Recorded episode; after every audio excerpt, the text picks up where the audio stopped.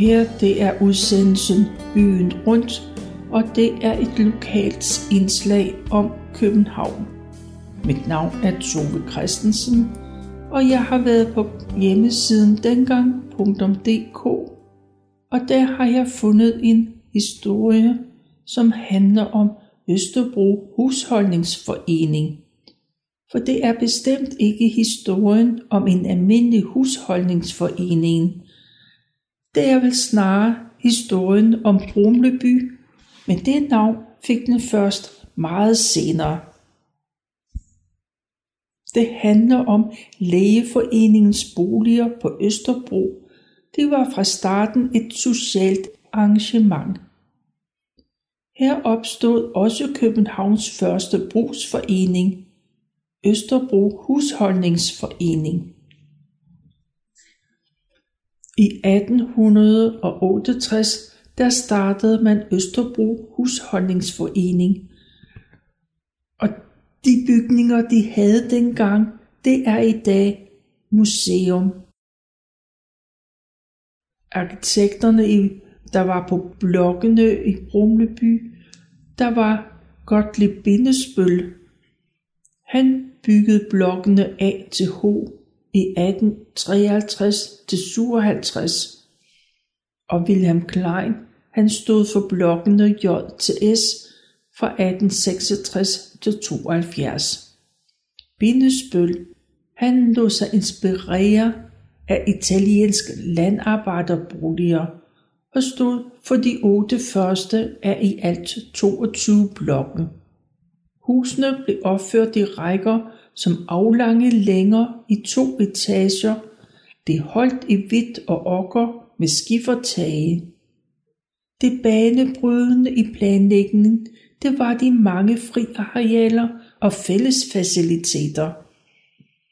Der var vaskehuse, forretninger, badeanstalt, sløjtlokale med mere.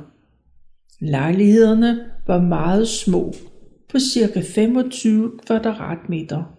Som regel var de beboet af familier med mange børn.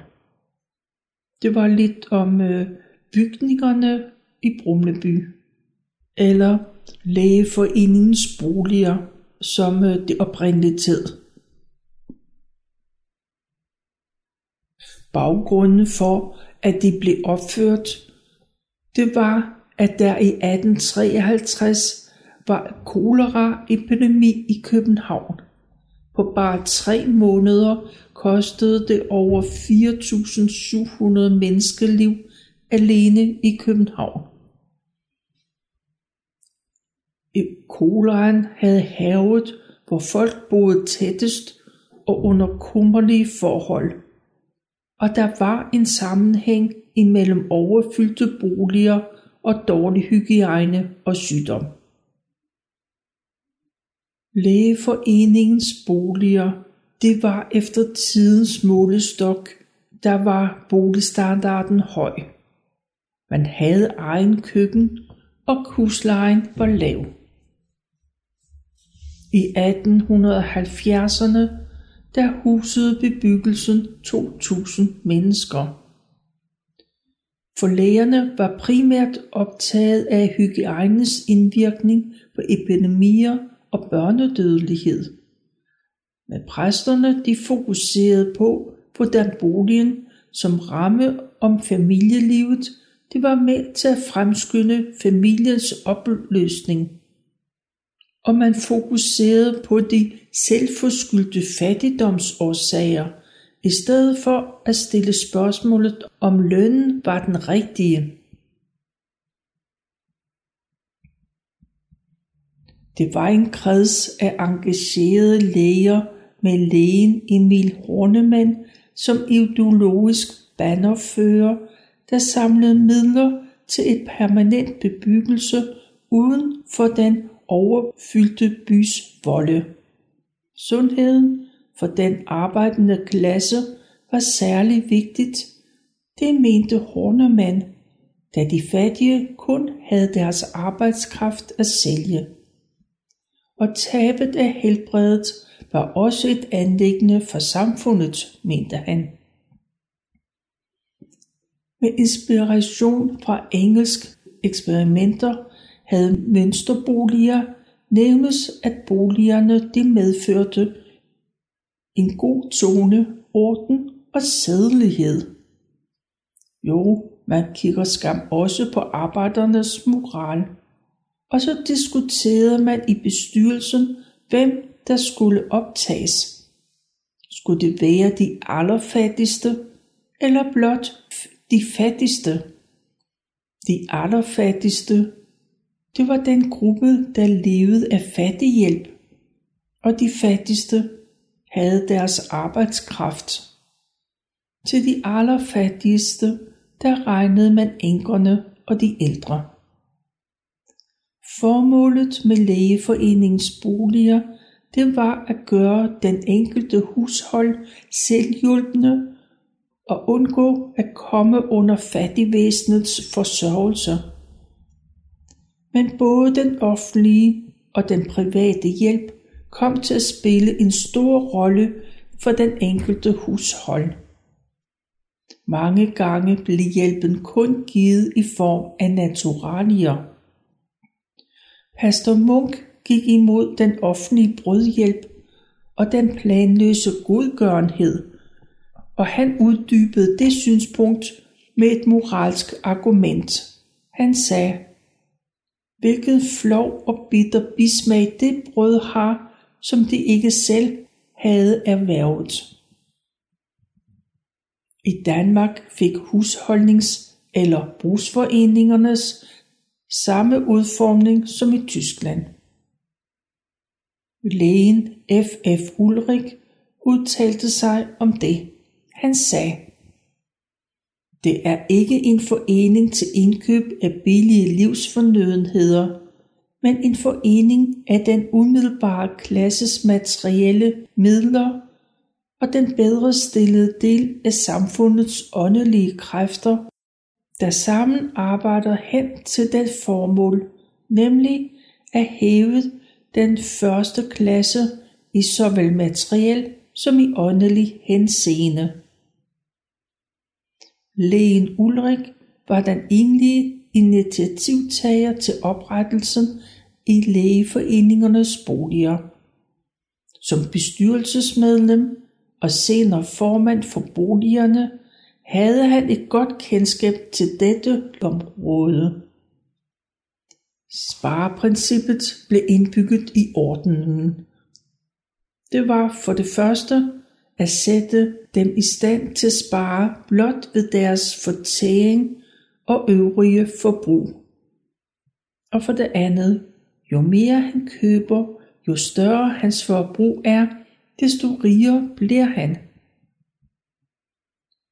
Efterhånden blev varesortimentet udvidet. Man fik smør, rugbrød, sigtebrød, hvedebrød, ost, fedt og gryn, og der var mel, øl, mælk, sennep og svovlstikker. Efter et års tid handlede man med kolonialvarer som kaffe, rosiner, te, melis, candice samt krøjsrom og krydderier. Udsalg af brændevin, det krævede næringsbrev og borgerskab til detailhandel, hvilket udsalget fik i de første år. Der var røster fremme, der hævdede, at foreningerne kun skulle handle med brænde, brød og smør som nødvendighedsartikler til fattige men det var i luksusvarerne, at overskuddet det var at hente. Man startede det store byggeri på Østerbro i 1853. Lys, luft og renlighed, det var stikordene dengang. Det skulle ikke være lige som inde i byen, hvor det hele var sølet ind i de gamle boligmasser uden kloakering. Der var en tendens til at overlade det meste af arbejdet i husholdningsforeningen til det lønnede bofører, der dermed fik større beføjelser. Den allerførste bestyrelse sad derfor heller ikke længe. På generalforsamlingen måtte bestyrelsen stå til ansvar. For uden klage over uhøflig betjening i udsalget, der var elendige varer, fordærvet flæsk og fløde som vand, og selv bestyrens måde at forvalte tingene på, det blev bragt op, som der blev ført til referat. Der står, at når medlemmerne ikke kom til bestyrelsen, navnet formanden, og klagede, der var grunden den, at man betragtede formanden som fattig forstander, da hans optræden over for medlemmerne udviste noget sådan. Citat slut. Konflikterne imellem medlemmer, bestyrelse og udsælgeren blev tolket som ukyndigt og forsøg på et kubmageri, som led i det sociale røre, der måtte øve en betydelig indflydelse på gemytterne iblandt de arbejderbefolkning, der levede så nær ved bevægelsens hovedsæde. Kritikken af bestyrelsen sigtede mod to sider. Dels rettet mod den daglige drift, dels mod foreningens ideologiske sigte. I foreningsbladet Arbejderen blev der givet mange gode råd om, hvordan foreningen kunne drives frem til at give et pænt overskud. Nu var det nok heller ikke så let at være medlem af sådan en forening. For det første, så skulle man bruge tid i foreningen, og dernæst så skulle varerne betales kontant. At gøre det første foreningsarbejdets omfang var problem især aktuelt for bestyrelsen, der skulle på indkøbsture med mere. Man diskuterede, om bestyrelsesarbejdet skulle lønnes og opfattes som arbejde. Forhandlinger med foredragsholdere, mus- musikere og ture rundt i byen, det skildrede sådan. Det var forbundet med tidsspillet og forbrug af lommepenge. Nogen oplevede foreningen som mere pligtbetonet end andre. Det var mændene, der var med i foreningen. Principielt var det åbent både for mænd og kvinder, og bestyrelsen var udelukkende sammensat af mænd. Men det var kvinderne, der stod for husholdningen. Et væsentligt princip var kontantafregning, både ved vareindkøb hos leverandør og i foreningens udsalg. Og så kunne ikke alle forstå det logiske. Medlemmerne svigtede opbakningen og havde et egoistisk handlemåde som en forklaring på husholdningsforeningens svigtende resultater.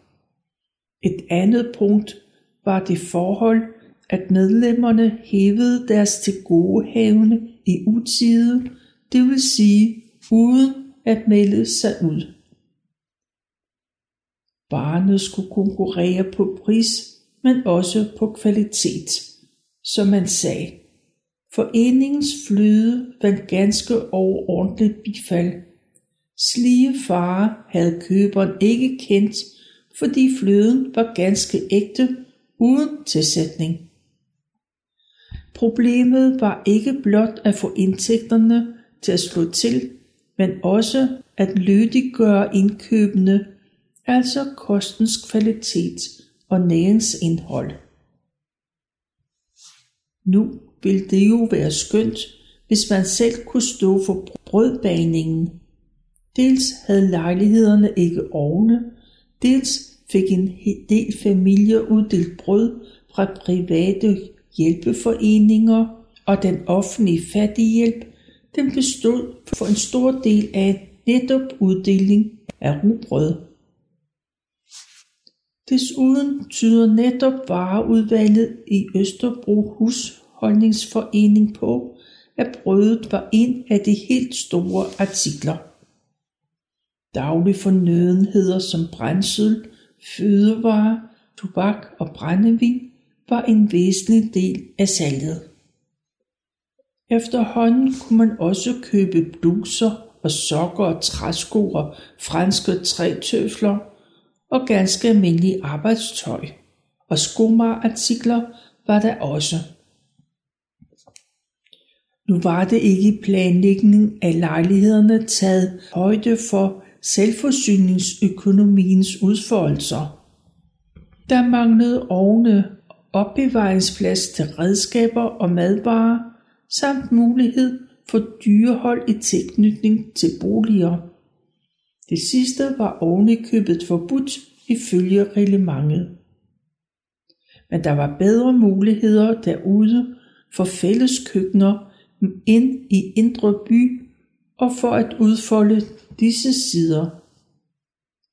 Man indrettede sit eget bibliotek og havde så stor succes, at man måtte indføre begrænsninger på udlån af særligt populære bøger og tidsskrifter. Foreningen skabte liv i det lille samfund. Oplysning og læsning skulle fremme dannelse. Biblioteket tilbød romaner af Dickens, Balzac, Scott og mange andre. Der var også politisk litteratur på hylderne af Berbel, Engels med flere samt teologi og historiebøger. Foreningsfester samlede familierne uden for boligen med fællesspisning, underholdning og sang. En af deltagerne til sådan en fest beskrev det på følgende måder. En sådan balaften blev imødeset med spænding, særligt maskeraden. Stasen blev lagt frem på sengen til beskuelse allerede klokken 4 om eftermiddagen. Det var det eneste sted, den kunne ligge uden at være i vejen i den lille lejlighed. Klokken 7 begyndte drosjerne allerede at rulle ind af Strandvejen. Sporten for at få så mange ture, der kunne nås med hesten Lotte på den festaften. Ballet begyndte klokken 8. Citat slut. Normalt blev der serveret kogt laks, forloren skildpadde og kalvesteg. Det kostede 1 krone per kuvert og 35 øre for en dessert. Ballet varede til klokken 6, og bagerne havde god omsætning på de varme boller og på morgenkrydderne. Men det var nu ikke alle, der var lige begejstret for, at foreningen skulle afholde disse fester. Det vagte forarvelse i borgerskabet. Der var ikke sammenhæng imellem fattigdom og manglende økonomisk sans. Man mente, at fælles for den offentlige og private hjælp var, at man fratog familierne ansvaret for deres egen økonomi og hindrede, at pengene gik til unødvendigheder. Derfor var det for borgerskabet provokerende, når de fattige holdt fest, at de var glade og ubekymrede for en enkelt aften. At de levede på stormandsvis. Det skulle være forbeholdt de få. Husholdningsforeningen skulle tage sig af helt andre opgaver. Det hele drejede sig om at få lønnen til strækket til. Det var ment som et alternativ eller rettere en forebyggende indsats over for de socialistiske idéer om højere løn og kortere arbejdstid. Brugerne gik ind i foreningen, men på forskellige måder. De tilpassede de nye muligheder i det medlemstallet steg og omsætningen blev forøget. Dertil kom nye former for samvær. Der var fester, sangkor og hjælpeforanstaltninger. Set ud fra brugerens synsvinkel indgik foreningen som en del af dagliglivet.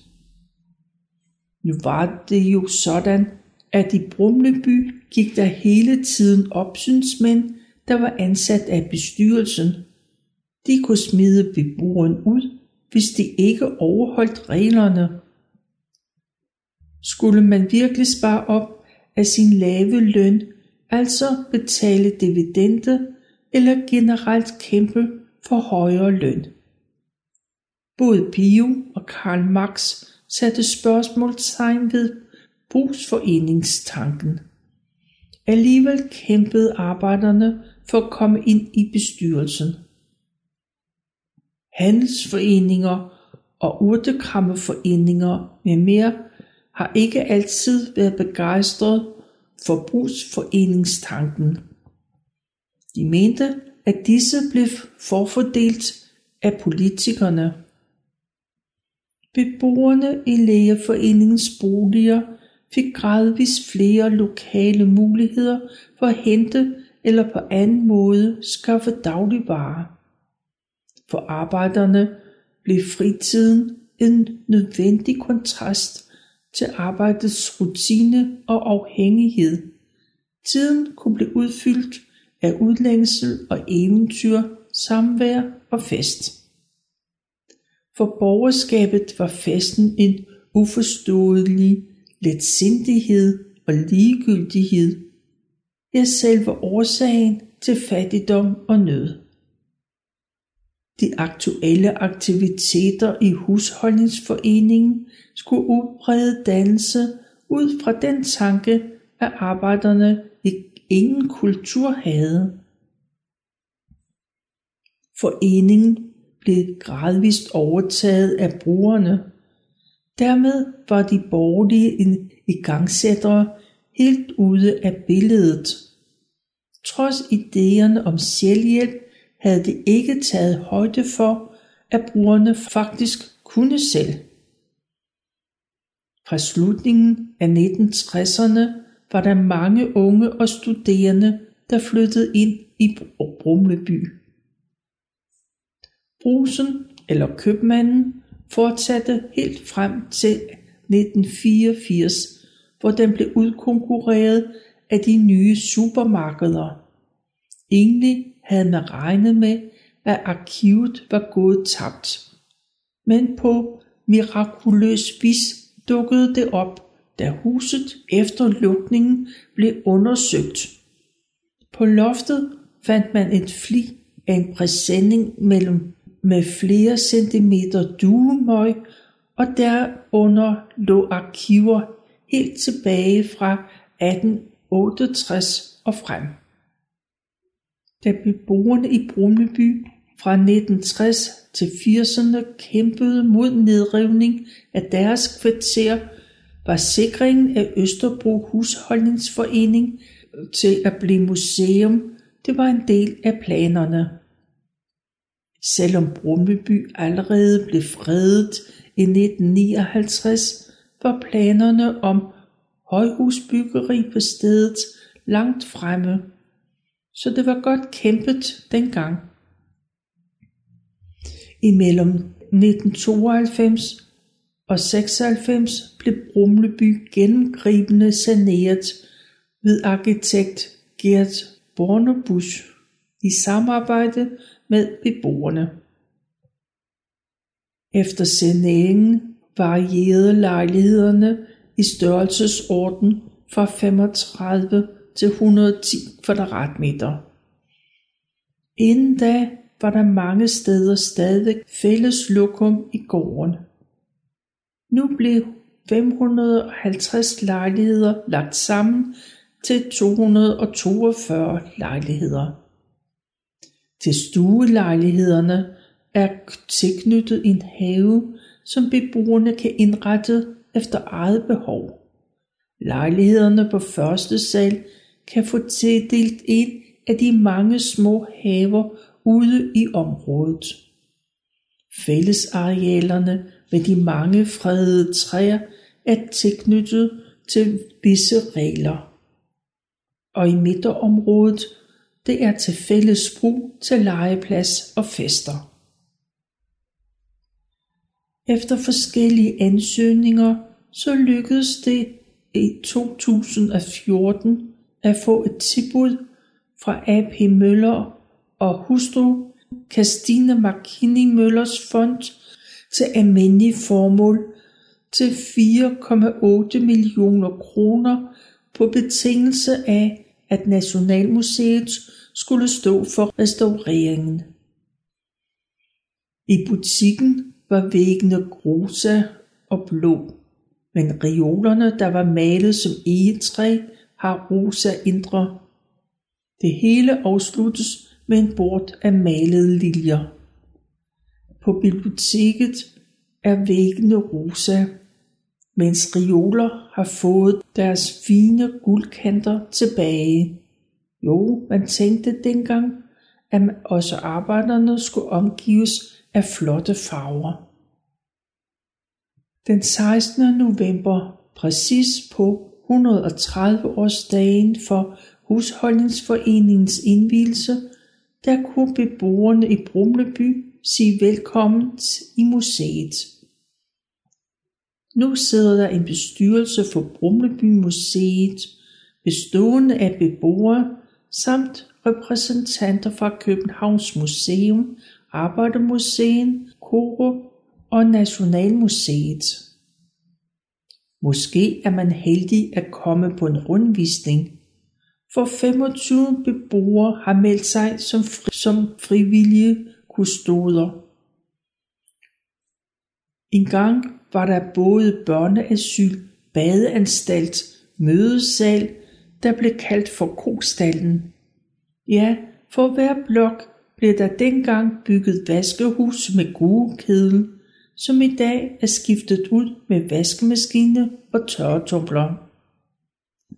Og den gamle badeanstalt, den er der endnu. Og bygningen, det ligger ud mod Østerbrogade. Der står Ramlov på den. Det er nu ikke alle, der har noget til overs for det flotte, fredede bygning. Når der ikke lige er coronarestriktioner, så bliver der i den grad ofte larmet i parken, og hele Brumleby bliver forvandlet til et stort offentligt toilet. Så langt artiklen om Østerbro Husholdningsforening. Og her til sidst får vi en af de mere kulørte historier om Brumleby.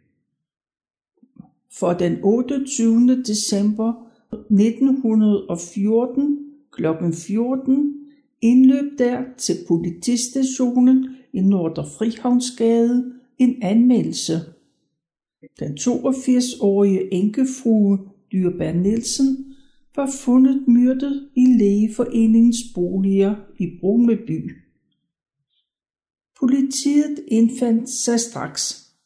Den gamle dame havde fået en række alvorlige sår i hovedet. Hun lå fuldt påklædt i sengen. Den højre arm hang ud over sengekanten. Betjentene kunne straks se, at pulsåren var skåret over ved håndledet. Og det kom frem, at den gamle dame havde sparet en del penge op, så hun kunne få en pæn begravelse. Venindens søn vidste, hvor pengene lå. Han havde blod på sin jakke, men han påstod, at det var fra et cykelstyrt. Men hvorfor havde han den gamle dames guldur på sig? Ret hurtigt viste det sig, at der var en medskyldig. Det var vognstyr Petersen, og de beskyldte begge hinanden for mordet. Men det endte med, at de begge blev dømt og fik tugthus på livstid. Og med det her, så vil jeg takke af. Du kan læse om øh, Rummelby på hjemmesiden dengang.dk.